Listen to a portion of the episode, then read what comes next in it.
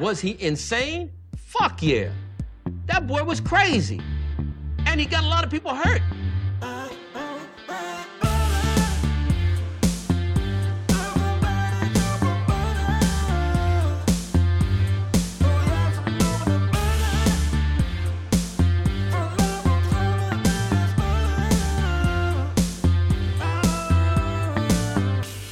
He doesn't like butter. I fucking love butter.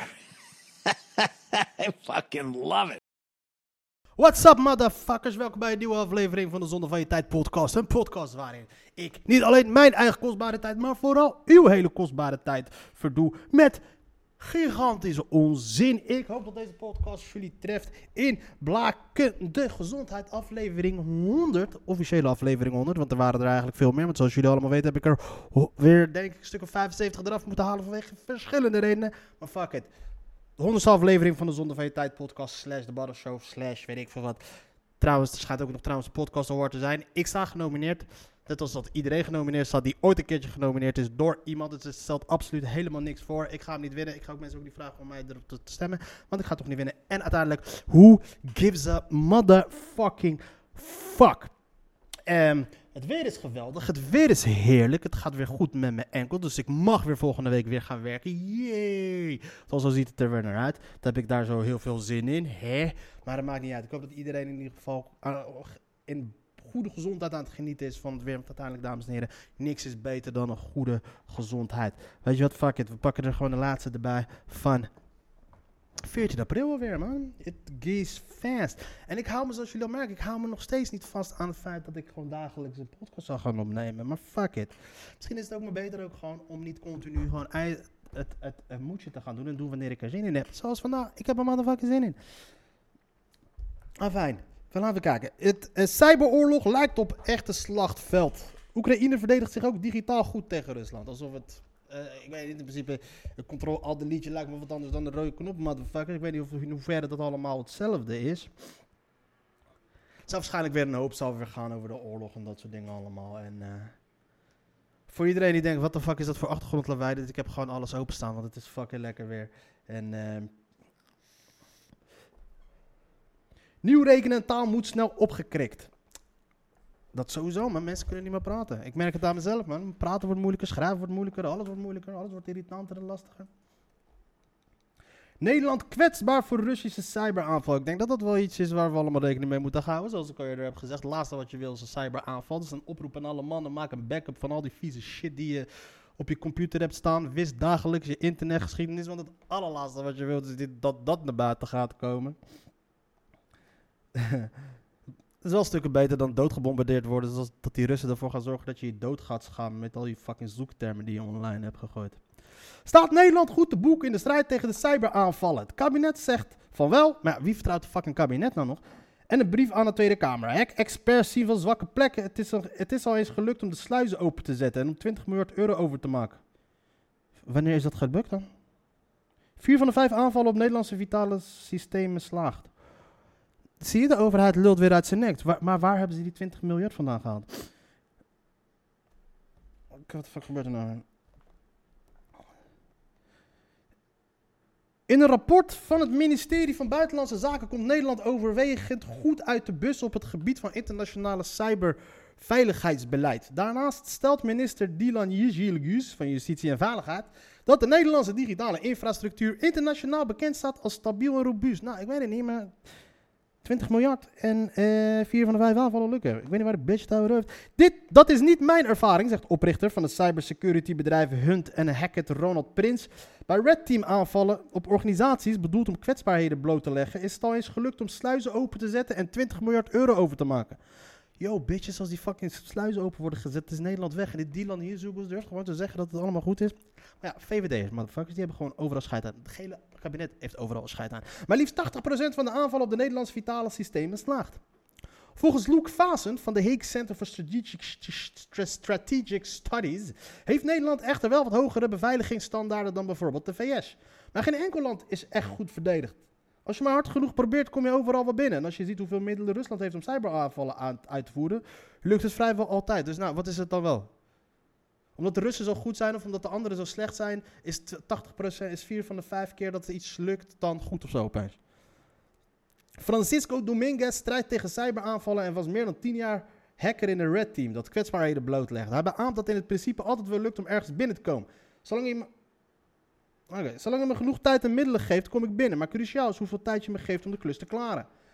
Daarom is het voor organisaties naast de reguliere van. Oké, dus fucked up. Kortom, het is gewoon fucked up. En we, niemand weet wat. Van de ene kant zeggen we wat. Al natuurlijk al die security mensen zeggen dat het allemaal slecht is, want die willen meer opdrachten binnenhalen. En de overheid zegt natuurlijk dat het goed is, want die willen niet voor lul lopen. Dus, is, dus de waarheid zal wel ergens in het midden zijn. Kortom, wis gewoon continu elke dag je shit. Omzicht kan de grootste partij gaan neerzetten. Als ik op dit moment niet lid mag zijn van een Kamercommissie die gaat over de Belastingdienst, maakt, maakt wel dat ik mij een tweederangs Kamerlid voel. Al dus Pieter Omtzigt. Hij zegt nu nog niet te weten of hij een eigen partij gaat oprichten.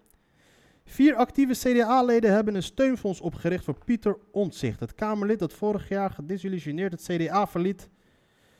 Ze hebben in korte tijd tienduizenden euro's opgehaald. Daarmee wil Omtzigt onder meer bijeenkomsten in het land organiseren. Oké.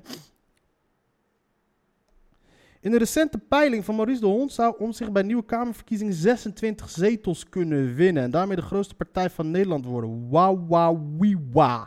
Ik weet niet of ik zit te wachten op een, uh, op een premier die uh, niet tegen druk en niet tegen stress aan kan. En, en hey, hoeveel respect mensen ook hebben voor Pieter Omzicht, voor zijn inzet en dat soort dingen. Dikke shout-out voor hem daarvoor. Maar er is wel een trend bij hem te herkennen dat mensen niet met hem samen kunnen werken. En dat is wel een goede eigenschap hebben voor een politicus. Is dat je bent daar niet om vrienden te maken, je bent daar om herrie te schoppen en om ervoor te zorgen dat dingen gedaan worden. En als je dan in een CDA zit wat uh, in principe gewoon een machtspartij is geworden en er alles toe doet, voor doet om aan de macht te blijven. En dan krijg je natuurlijk te maken, dan schop je al heel snel tegen heilige, tegen, tegen gefrustreerde schenen aan en dan maak je vijanden. Dus dat is wel waar. Uh, ik wil nu gewoon rustig aan mijn werk doen. Volgens de statuten is het doel van het steunfonds onder meer het beschikbaar stellen van middelen voor het uitvoeren van projecten, tot stand brengen van visies en het kopen van mondkapjes. Ik weet niet of hij een eigen partij zou moeten gaan beginnen.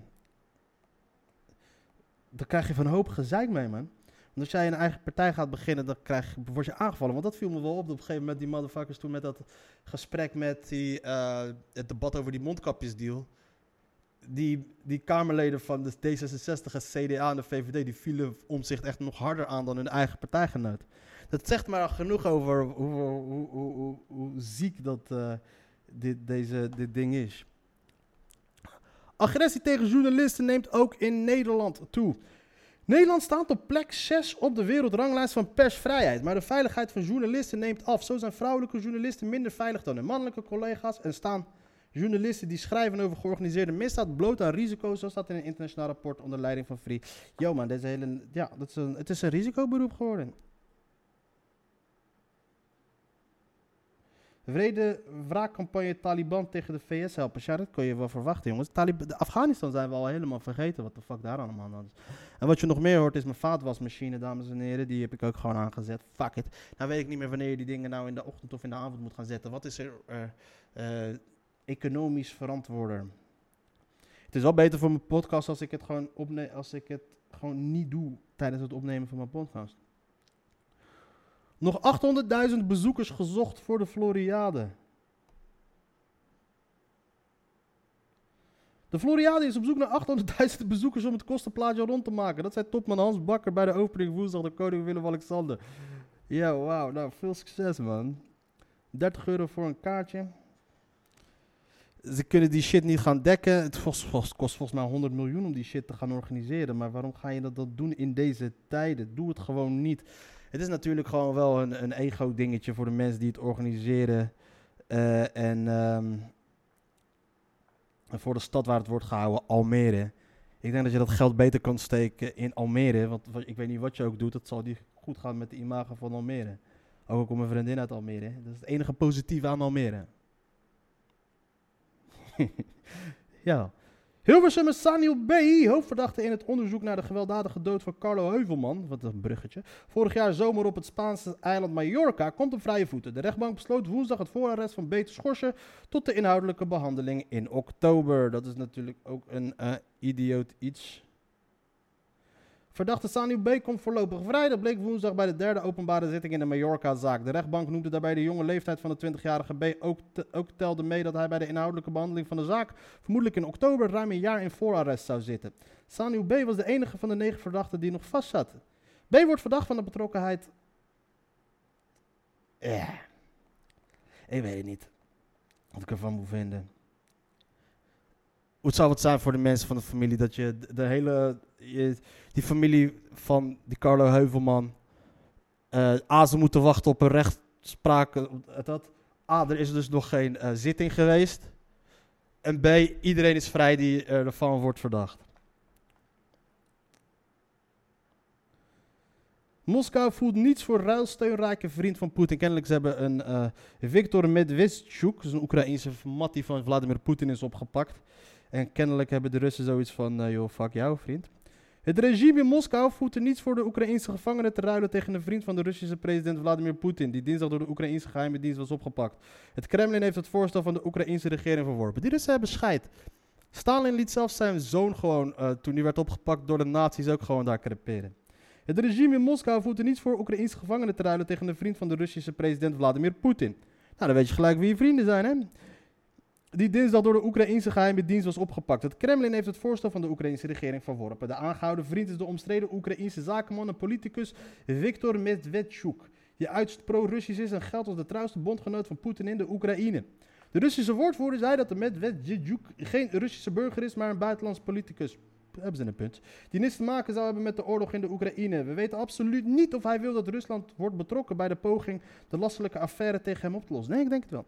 Zegt, zei de zegsman. Medvedchuk is een oppositiepartij die een oppositiepartijleider werd gearresteerd na een speciale op- operatie van de Oekraïnse geheime dienst.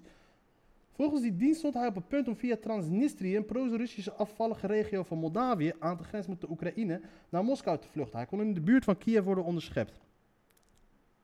De steenrijke Medvedchuk was in mei vorig jaar onder huisarrest geplaatst. Eh, gratelijk. Dan laten we het daarop houden. Ook de economische klap voor de Oekraïne is enorm. Ja, dat wordt een aardig dingetje, maar dat is niet. Omicron blijft in beweging. Oh ja, ken je deze nog, nog, nog, nog, nog? Nieuwe varianten van het coronavirus. Minstens drie nieuwe Omicron-varianten verspreiden zich nog sneller dan de varianten die, ze, die al in omloop zijn. Ze hebben het potentieel om een aanzienlijke golf te creëren. Maar of dat gebeurt hangt, af van verschillende, hangt van verschillende factoren af. Vijf vragen over de nieuwe varianten van het virus dat maar niet weg wil. Het virus gaat nooit weg. De subvarianten BA.4, BA5 en XE verspreiden zich nog sneller dan de Omicron-varianten die al eerder de ronde deden. Ze blijkt uit de eerste analyse, maar dat betekent niet automatisch dat ze zorgen voor een nieuwe golf en besmettingen zullen zorgen. Nepnieuws blijft in je brein zitten. Analyse van. van deze krant. Het voornaamste is niet wat je gelooft, maar wie je gelooft. Dat is wel een dingetje met nepnieuws. Uit diverse onderzoeken blijkt dat desinformatie psychologisch heel anders werkt dan vaak gedacht. Het draait er niet om wat je gelooft, maar wie je gelooft. Dat is wel een dingetje. Nepnieuws ontzenuwen is door de werking van het brein niet eenvoudig. En dat is wel het geval natuurlijk. Want er is een reden waarom je vaak ziet dat dezelfde kampen, eh, de, de, de, de pro-corona kant, althans de, de, de, de, de mensen die eh, corona wel serieus namen, de anderen die het niet minder serieus namen, dat je diezelfde scheidslijn ziet, enigszins in, in grote lijnen terug kan zien wie er wel pro- en anti-Rusland is. Het is meestal van wie komt het nieuws, vertrouw ik het wel, geloof ik het niet. Kijk, die, de, mensen die ehm, geloven dat het allemaal een hoax is, die zullen alles geloven wat bijvoorbeeld Thierry Baudet zou zeggen. Dus, dus, dus dat is al, dat, dat, is niks nieuws. In de online echokamers van het eigen gelijk lijkt het voor veel mensen ingewikkelder dan ooit om onder andere boven te, dan ooit om onder van boven te onderscheiden. Wie is er de laatste tijd niet aan het twijfelen gebracht? Over de pandemie, over de oorlog in de Oekraïne. Mijn was er eens klaar. En alternatieve feiten en onwaarheden zijn overal en drijven mensen steeds verder uit elkaar. Hoe kan het dat informatie die duidelijk niet klopt zo massaal wordt geloofd, ook door doorgaans verstandige mensen?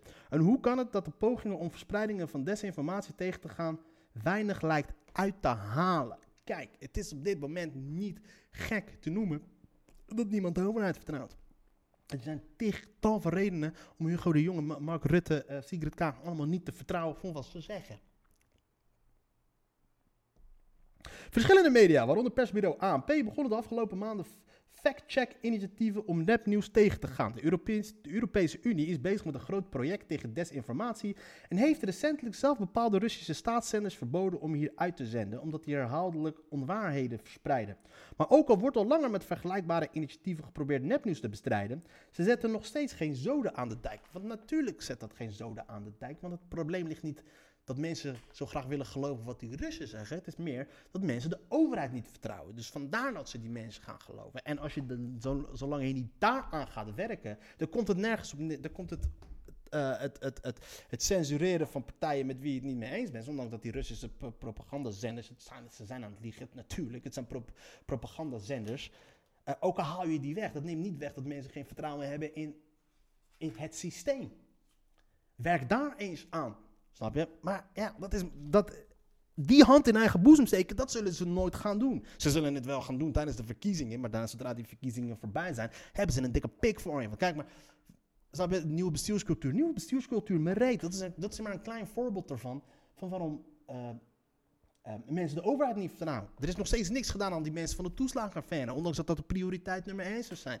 En dat was een belofte van die, die, die, die is gedaan, die was gedaan. Snap je? Dus dat is het probleem. Hand in eigen boezem, zolang dat niet begint. En ik hoop dat dit artikel daarin verder ingaat.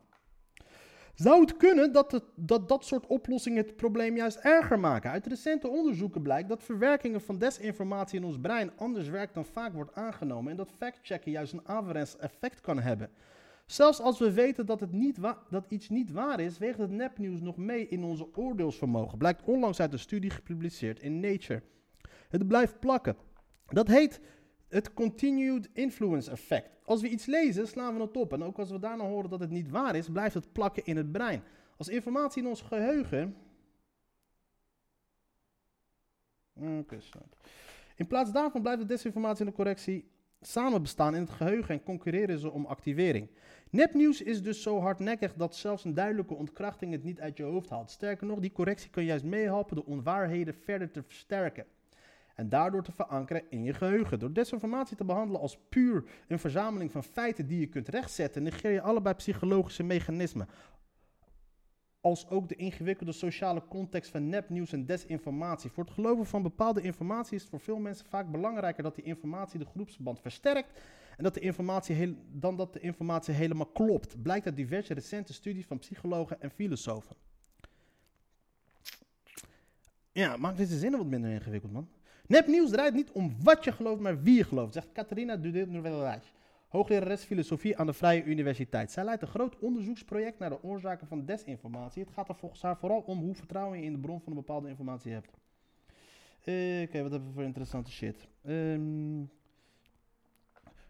groepssamenhang. Keuzes over welke bronnen wel en niet betrouwbaar zijn, zegt ook zij, worden bovendien sterk beïnvloed door de groep waartoe je behoort. Je samenhang, de samenhang van die gemeenschap en de mate van de vijandigheid tegenover andere groepen. Dat is eh, zo. Het ligt voor de. Oké, wat zijn de oplossingen? Ik, tot nu toe lees ik niks nieuws onder de zon. Het tweede deel is dat we de hele tijd dingen proberen te begrijpen, zelfs al zijn ze nog niet helemaal begrijpelijk. Dat is in een complexere wereld moeilijker aan het worden, zegt Sitscorn. Hoe zit het met corona? Wat wil Poetin? Complexe vragen waar geen eenduidige antwoorden op bestaan. En dan pakken we de snelle weg. Als we een, verhaal horen dat aannemelijk klinkt, zijn we al snel geneigd hierin te geloven, zegt ze. Er is, en in een tijd van ontspoorde online stammenstrijd valt het derde mechanisme extra op. Onze brein is er extreem op gericht om te bewijzen wat we toch al geloofd. Dus dat is volgens mij die self... Ze zijn heel goed in het zoeken naar bewijzen bij wat we al dachten en heel slecht in het ontkrachten van aannames, zegt Sitscorn. Wat dit allemaal extra versterkt, zegt ze, is dat mensen meerdere uren per dag naar een schermpje met informatie turen. Je, je brein krijgt steeds meer, krijgt dan steeds twee boodschappen. Eén, het is heel belangrijk. Twee, het is heel dichtbij. Dit activeert dan weer de angst en emoties die ervoor zorgen dat de nieuwe informatie blijft hangen.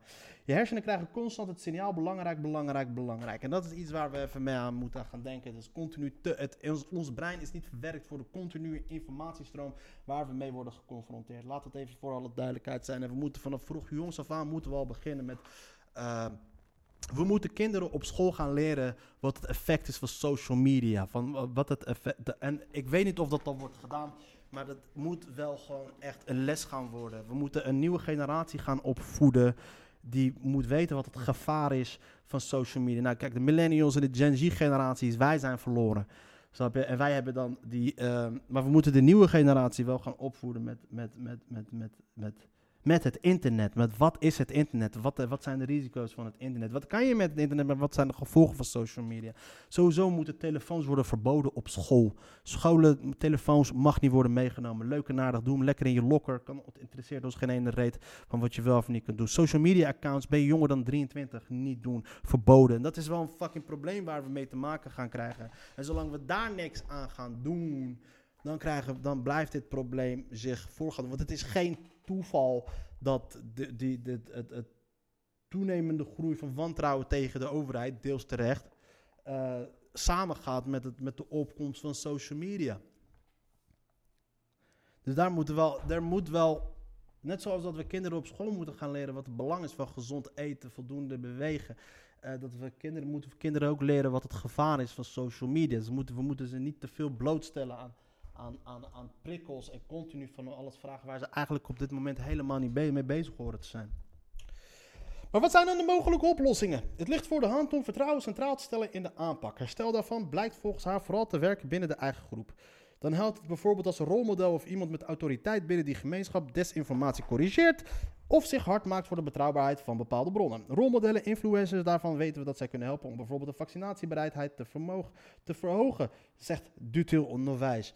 En dan gaan we de oplossingen zoeken in, in, in influencers en dat soort shit. Dus mensen moeten we dan nog meer op social media loslaten. Eh, de oplossing zit dus dan ook op het internet, zit dan ook op social media. We moeten juist daarmee gaan stoppen. We moeten juist dat gaan verminderen. Mensen moeten niet te veel bezig zijn met die shit. Maar eenvoudig is het niet. Het structureel aanpakken van desinformatie vereist volgens haar een brede aanpak van het aanpassen van algoritmes om feiten en niet onwaarheden te versterken tot het vergroten van de mentale weerbaarheid en mediawijsheid bij mensen zelf. Kijk, dat is wat ik, wat, ik eh, bedoel. Maar het vergt bovenal lange adem, omdat de nepnieuws nou eenmaal op veel knopjes in ons hoofd drukt. Desinformatie blijft voorlopig nog wel een probleem, zegt ze. Dat, is, dat is dan eh, als we het probleem bij ons, deze generatie, op willen lossen. Maar hoe gaan we het voorkomen in de toekomst? Dat is wel iets wat ik, wat ik nog wel een beetje mis. Ah, fijn. Eh, groeiende markt voor prepaid producten. Ja man, mensen hebben geen zin meer om te kiezen. Zoals ik zei, er is veel, te veel om te kiezen. Dus hier, alsjeblieft, kies lekker zelf uit wat je cadeau is. Naakt mocht echt niet. Een nieuwe film, The Northman. Eh, over de dood en wat de rest. Eh, even kijken. Een onthutsende inkijk in hoe machtsmisbruik werkt. Wat is dit voor shit? Is er een tent? Is er, is er rust in de tent? Na vonnismeester Frank Visser. Eh Bokalis, Boskalis sluit aanleg. We zijn nu aangekomen bij de. ehm, hoe noemen we dat? We zijn nu aangekomen bij de regionale katern van de krant.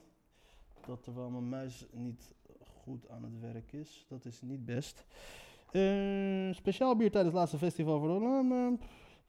dit is wel het meest saaie gedeelte van de krant. Die je wel beter moet gaan lezen, want je moet wel weten wat er leeft in je, in je omgeving.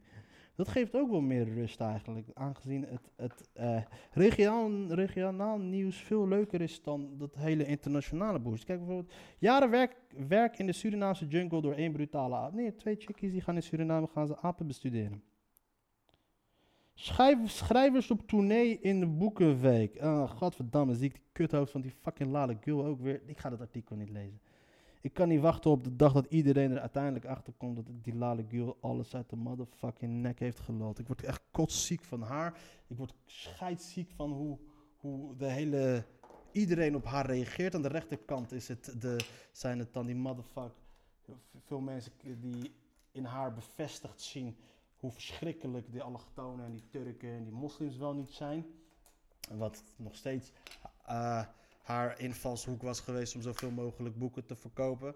En aan de linkerkant is het, durven die mensen zogenaamd opeens niet meer kritisch te kijken naar wat er allemaal gebeurt. Omdat ze bang zijn dat ze ehm, dingen gaan goed praten. Maar er is niemand die echt kritisch naar haar verhaal heeft gekeken. En daar ben, ik, daar ben ik wel benieuwd naar. Snap je? En nu is...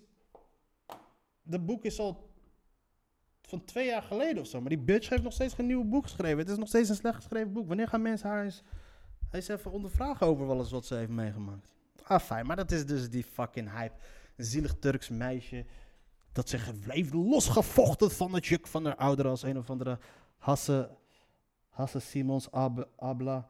En die gaat dan nu, is het dan ineens een best verkopend boek. En die gaat nooit meer een boek schrijven, want haar, ze kan gewoon niet schrijven. Waar gaat ze nu over schrijven dan? Want waar gaat ze nu over schrijven? Nu gaat ze schrijven over bedreigingen en dat soort shit.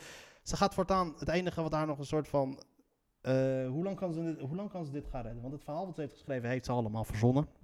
Dat heeft ze zelf toegegeven. Ze heeft... eh, eh, in, in, een van de in van haar artikelen in de Volkskrant heeft ze jaren geleden gezegd: Ja, ik heb sommige dingen heb ik aangedikt, heb ik over gelogen. Want ja, mijn, mijn ouders kunnen toch niet lezen. Heel Nederland leest daaroverheen. Want oh, oh, oh, wat is die bitch zielig. Fuck haar. Wat hebben we vandaag? Het laatste nieuws. Bomenschade in Leiden door Junice in kaart. Esdoorn van 19 meter is de paap uit. Heb je hem? Elke maand eten met Veenders. Inzamelingsactie voor begrafenis ongeneeslijke ziekte Maas. Ik hoop dat het je lukt, dame. Eh, energieprijzen. Dit is een hele saaie krant. Ik heb... Wat een beetje lullig is natuurlijk voor de ongeneeslijke zieke Evert. Jongen, ik... eh wens je het allerbeste toe. Gaan even kijken wat er in de... OM telt beelden uit EBI van doortrapte communicatie tussen Taghi en zijn advocaat. Dat wil ik zo even checken. Afghaanse ex-commandant beruchte gevangenis krijgt 12 jaar cel. Eh, Oekraïne beschiet dorp over de grens. Aanval Jette ook niet via simpels. Jette ook niet via sluipweg in roebels betalen. Ja, Jette, je gangster. Militair Fleur rijdt de luchtafweergeschut naar Slowakije. Fleur, dat is geen naam voor een militair. Dat is een naam voor de, voor de rechtsback van je plaatselijke hockeyelftal. Eh ja, Johan Cruijff zou vandaag 75 jaar zijn geworden. En verder... Bouhani nog altijd in shock na bizarre botsing met wandelaar. Nachtmerrie. Nasser Bouhami botst in de tweede etappe van de ronde van Turkije op een nietsvermoedende wandelaar. Houdt een breuk in zijn eerste halswervel over. Jezus Christus. Nasser Bouhani. Het klinkt als eh, eentje van ons die aan wielrennen doet. Ik ben benieuwd, wat is... eh, wat zou zijn afkomst zijn? Nasser Bouhani is een Franse wielrenner van... eh, Algerijnse afkomst. Ja. Nou. Het gaat niet lang duren voordat de Afrikanen ook deze shit gaan overnemen. Maar wat hebben we verder nog in het nieuws? Laten we even kijken naar dit. eh, ik moet die half uurtje volhouden horen, dames en heren. Ik ben wel bezig met het maken van een nieuwe sample voor, voor het einde van mijn, van mijn poekoes. Nou ja. Sinds ik de cookie-instellingen op mijn tablet heb gewijzigd, krijg ik het AD niet meer goed te zien. Dus kennelijk heeft mijn ta- tablet ook zoiets van: het AD is een fucking kutkrant, die wil je niet gaan lezen. Winston G. is ontmaskerd tot het nieuwe Siebert, maar stuurde zijn goois, zijn buurmeisje naar Jinek. Oh ja, die bitch is ook nog warm. Gest- Winston Gerstanovic heeft weer een verdienmodel gev- gevonden. Je kan voor 1,20 euro kan je vierkante meter grond ergens gaan adopteren. En dan, ehm, dat kun je dan wereldwijd doen. En daarachter zit dan een hele social media systeem waar blijkt als alles dan gaat rollen zoals ze willen dat gaat rollen, valt er letterlijk miljarden te verdienen voor deze mensen. Hey, eh, fuck die Angela de Jong, maar het is goed dat ze deze shit eh, onder de aandacht brengt. Want kennelijk zijn die mensen dus gisteren bij, heet dat, bij Jinek geweest. Dus ik ga die shit wel even checken. Kennelijk is hij zelf niet geweest, omdat een motherfucking pussy is.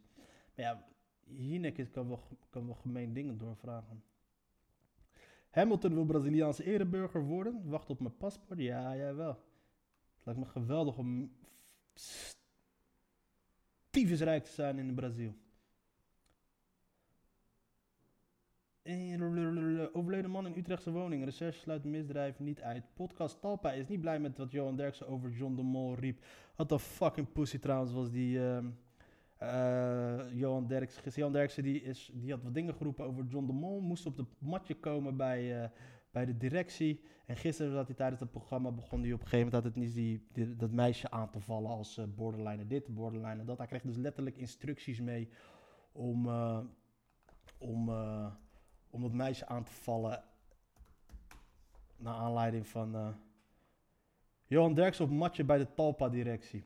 Johan Derks heeft na zijn vernietigende uitspraak over collega Johnny de Mol gesprek gehad met de directie van Talpa. Damage control neem ik aan, al dus Wilfred Gené. Er zijn volgens Luc Iking weinig mensen in Hilversum die een afkeuring durven uit te spreken over John de Mol. Maar uitgerekend de grote talpasterren Johan Derks en René van der Gijp doen dat wel. Ze denken dat Johnny schuldig is bij de mishandeling van uh, Shima Kaas. Het is evident dat Talpa niet blij is met deze interne aanval op Johnny. Johnny is gisteren dan ook op het match geroepen door Talpa, Bobo. Johan is gisteren bij Talpa, Mark Laurens, onthulde collega Wilfred Gené. Je bent vanmiddag bij de directie geweest, damage control. Ja. Uh, ja, wat, dus ja, dus die moet gisteren op een gegeven moment moest die gaan dansen dan voor de, voor de, voor de boss. Ondanks kritiek van media collega, niemand gaat wat zeggen tegen, tegen John de Mol. Johnny, Johnny de Mol zei gisteren, riep gisteren het OM nog op, joh, vervolg me maar. Vervolg me maar als jullie kunnen, motherfuckers, wat gaan jullie me doen? Jullie kunnen me niks maken. Wat niet betekent dat het niet waar is, ik weet niet of het, waar is, ja of nee, maar... Uh, het is wel gewoon een bitch move van die Johan Derks dat hij daarna is gaan kruipen als een zieke bitch. Nadat hij op het matje is geroepen door zijn baas. Ondanks dat hij altijd beweert dat hij, uh, dat hij overal schuiten heeft. Dus niet. Dames en heren, bedankt voor het. Uh, voor, als je deze podcast tot hier hebt weten uit te luisteren. Uh, heel erg bedankt, maar ik adviseer je toch een leven te gaan zoeken. Want het is en blijft de Zonder van Tijd podcast. Peace out.